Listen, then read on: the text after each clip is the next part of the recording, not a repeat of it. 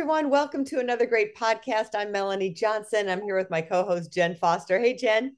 Hey everyone, how's it going today?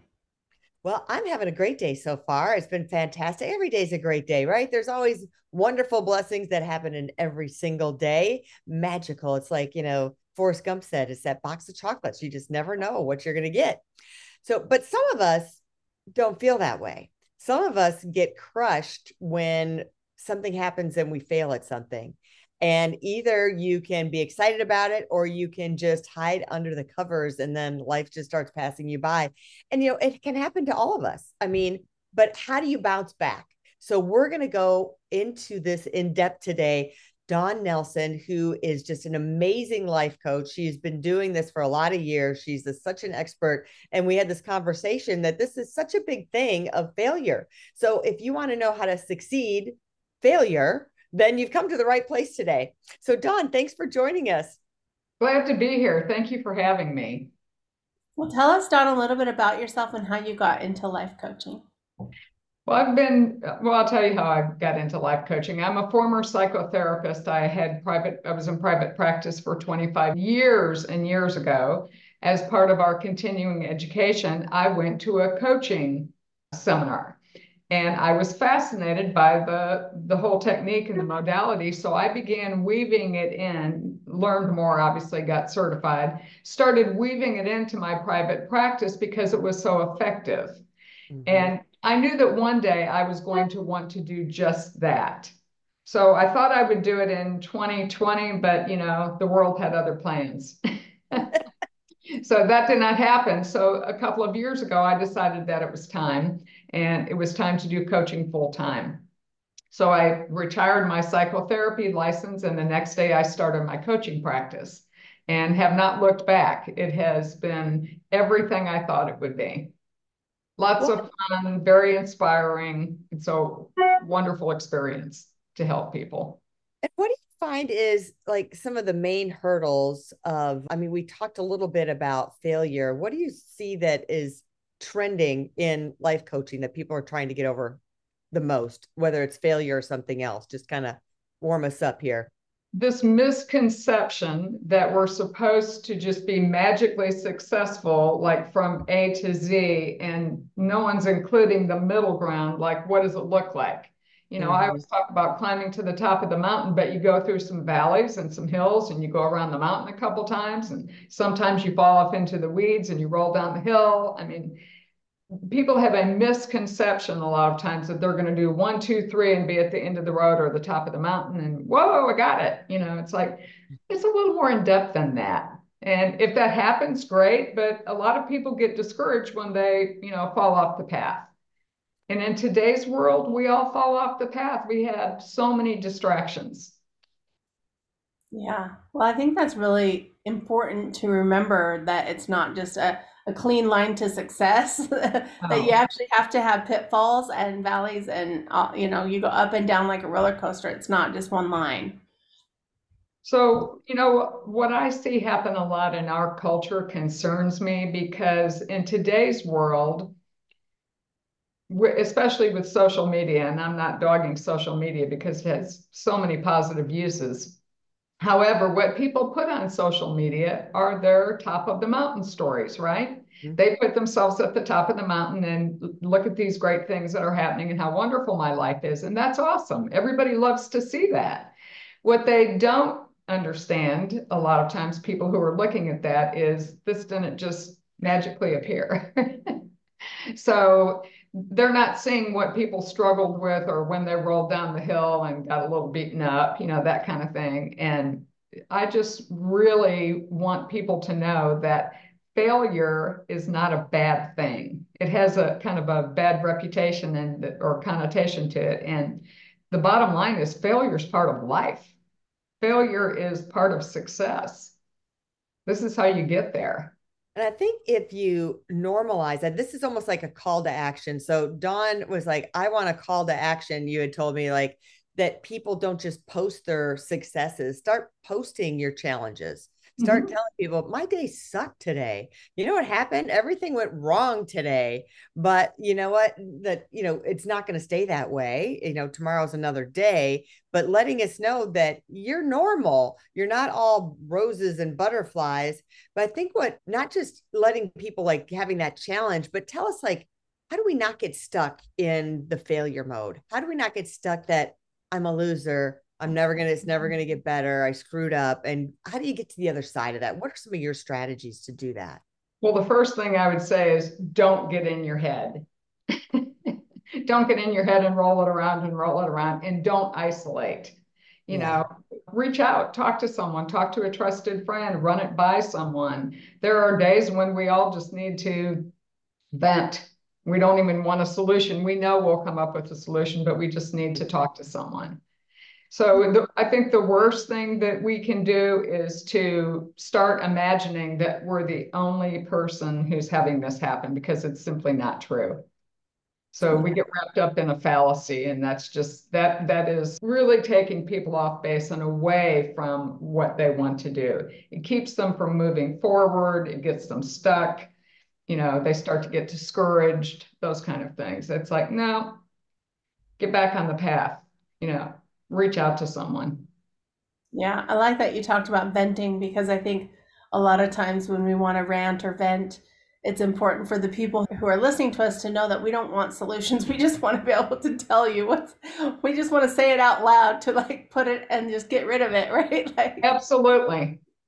It, it's almost I was talking to someone yesterday and I was thinking, you know, it's almost like confession. You just want to share with someone what's going on and you don't expect them to correct whatever it is that you're struggling with or you know what really got you off the path today.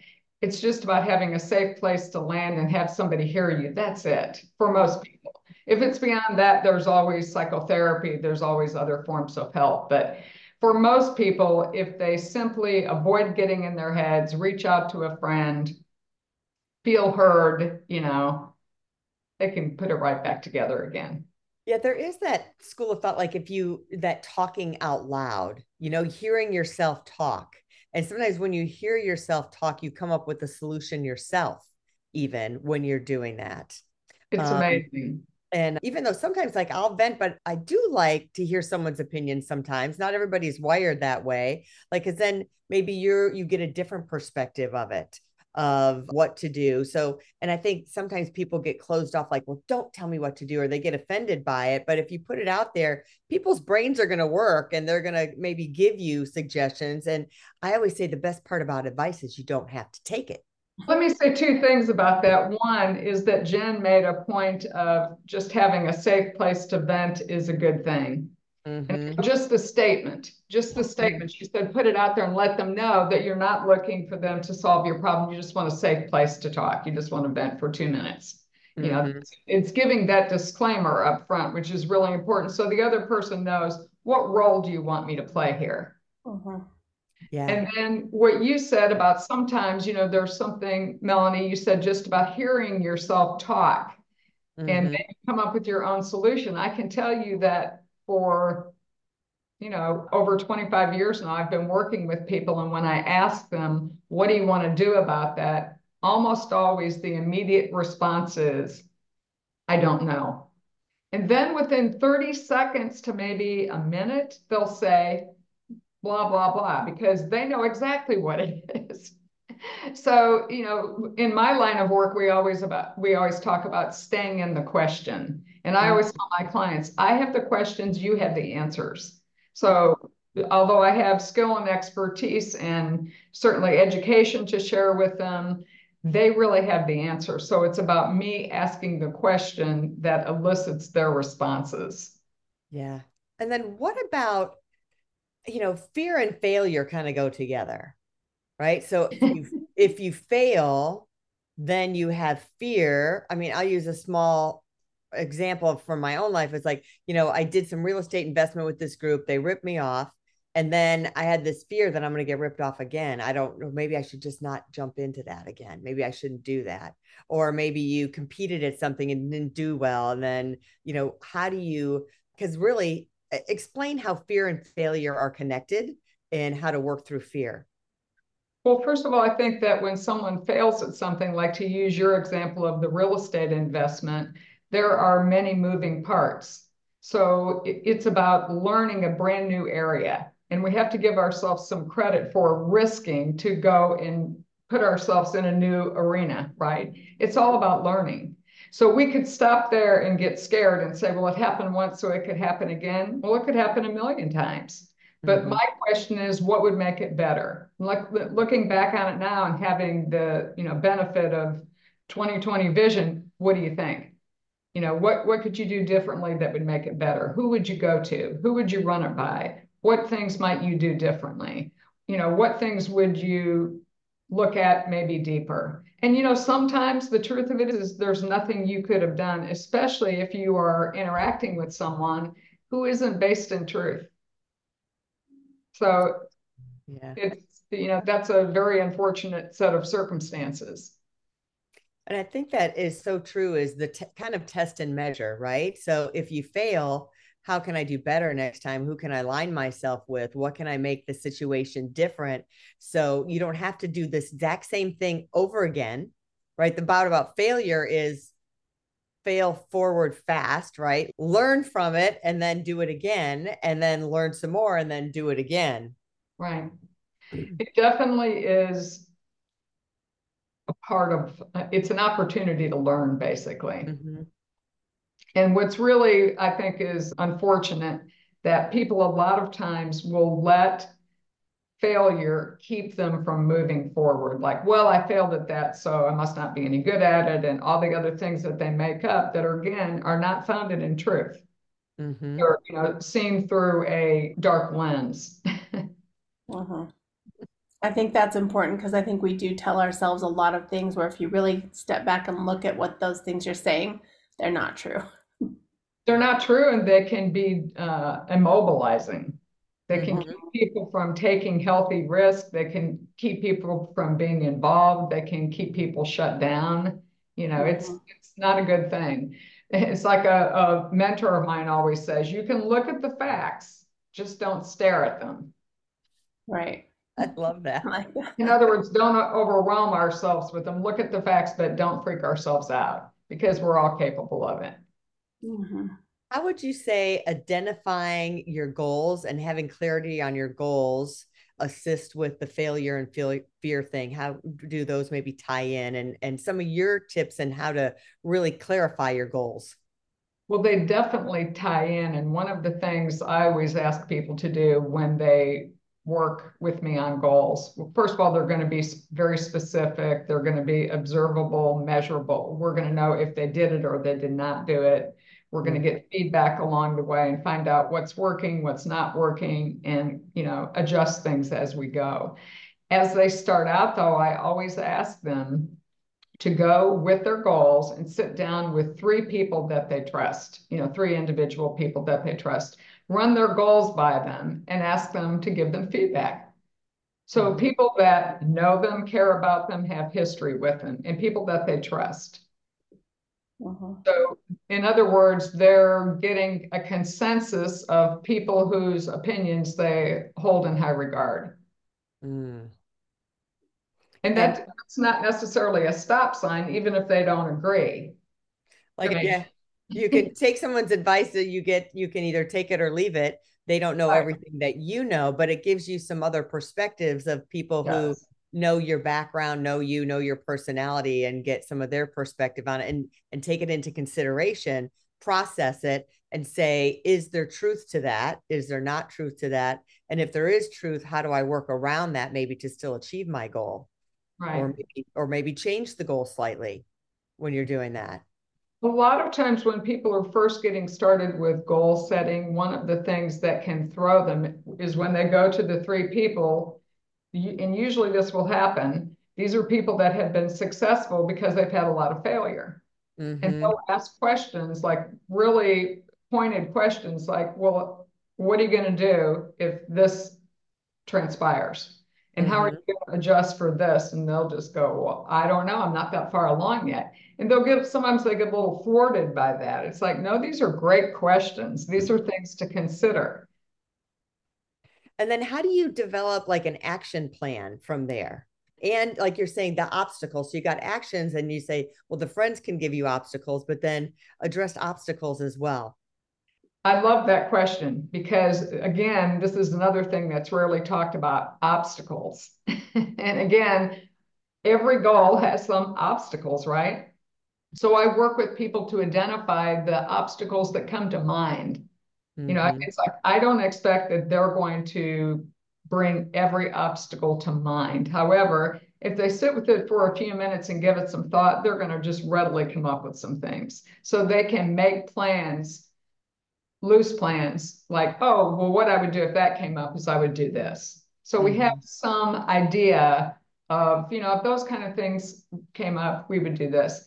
And I always talk with people about being resourceful, using their resources uh, picking up the phone and calling someone who they know knows about this particular thing, running it by someone just to have the benefit of another perspective.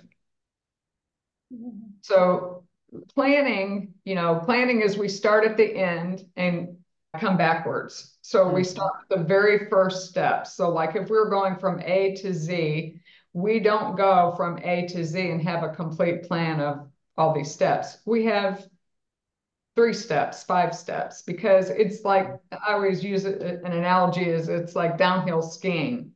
Uh, years ago, I went with a friend who learned how to ski on the mountain, and we did bunny slopes in the morning and practice, and then we went to lunch. And I said, "Now this afternoon, when we get up on the mountain," and she said, "I'm not getting on the mountain."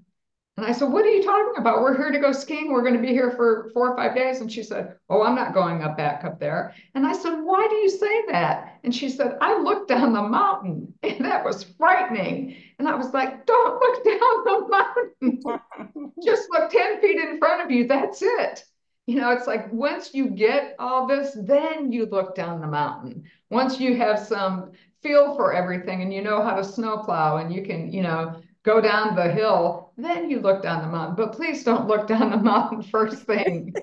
like we're just going to go a couple steps in front. We're just going to keep moving forward. And what mm. happens is when the subconscious mind has a goal that's clear, distinct, and someone has a sense of, they can imagine, sense, and feel what it's going to be like to reach the goal, then their subconscious mind backs up and says, What do we do today? Mm-hmm. What do we do tomorrow? What do we do this week? You know, so I have them block it out in time frames, usually time frames of a week to two weeks. Oh. I like the little step by step process because, like you said, you can't just look at the end and think you're going to get there in one step, right? right. So you can't right. look down the mountain and be like, "I'm not doing it" because that looks too far down, right? Yeah. So yeah. that step by step and and just move a little bit forward. I like that. You really helped me with an analogy because I think all of us, if we just looked at the end result, you know, it'd be like, oh, well, how am I going to do that? And yet we know, you know, a lot of times people will say, I've never done this before. Well, you haven't done this specific thing before, but you've reached many goals in your lifetime. And they'll say, Oh, I don't think I have, you know, and then I'll start going, Well, did you do this? Yeah. Well, did you do this? Yeah. You know, did you uh, graduate from college? Yeah. Well, okay. Well, you had to do some things and you had to put some things in place to make that happen over a series of years. You did that. You can do this. And sometimes we do, we forget where we've been, that we're capable to take us where we need to go. And another analogy I had with with the ski slope is that the stairway like if you're at the you know the eiffel tower and you're looking up at all the stairs or the empire state building you're like climbing all that. That's ridiculous. But if you just put your head down one step after another, one step after another, all of a sudden you take a look back and you're like, oh my gosh, there's a hundred steps behind me. Right. And you're like, I can't believe I got this far. What is, I think so many times a lot of us get in our own way. How do we get out of our own way? Well, usually when someone's in their own way, one of the things that I'm going to pick up on is a level of frustration. Mm-hmm. And a lot of times it also, you know, when I ask some questions, it also means that they have kind of been, I don't know another word to use, but isolating. In other words, they haven't been expressing much, they haven't been sharing with other people. And I really believe that we were meant to be in relationship with each other and all different types of relationships. So, you know, I think it was Eleanor Roosevelt who said life is not meant to be lived alone. And it's true. I mean, we're in some sort of community all the time. Yeah. And we need to use each other as sounding boards. Yeah it's not that we want advice. Sometimes we just want to be heard, or like you said, saying it out loud resonates with us and something pops up in our conscious awareness and we go, oh, yeah, of course. Why didn't I think of that?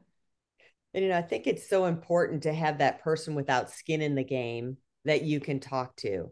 You know, I used to go to my mom and dad all the time, but then I, at one point in my life, I'm like, I need someone who doesn't have skin in the game that's not so entrenched in all this that can be yes. like overview. So I think that's why having some sort of life coach or coaching person in your life is so important. Well, I want to tell you thanks for being on. We had so much great content here, Dawn, and tell people where they can find you. Well, they can find me on Instagram, my coach Dawn Nelson, or they can also find me on the web. It's mycoachdawnnelson.com. And if you're awesome. looking for a life coach, I just want to say you can be anywhere in the country and Dawn can coach you. So reach out to her. She's incredible. I know people that she's coached with and they have nothing but rave things to uh, say about her. So thanks for doing that. Thank you so much. It's been great to be with the two of you today. Yep. So check out, we'll put all those links in the show notes so you'll have all those. And remember to tune into us next time and subscribe to our podcast. And if you're looking to do a book, remember, check out eliteonlinepublishing.com. We make all of our authors bestsellers. If you have a book that's inspirational, motivational, or educational, that's who we're looking for. And we'll see you next time. Have a great week, everybody. Bye. Hey, are you looking to increase your revenue, build credibility, and elevate your brand? This podcast is brought to you by Elite Online Publishing an innovative publishing and full spectrum marketing company. They will publish and market your book to make it a number one bestseller. Becoming an author is the best way to market your business. So contact them at eliteonlinepublishing.com today. All of their authors become number one bestsellers.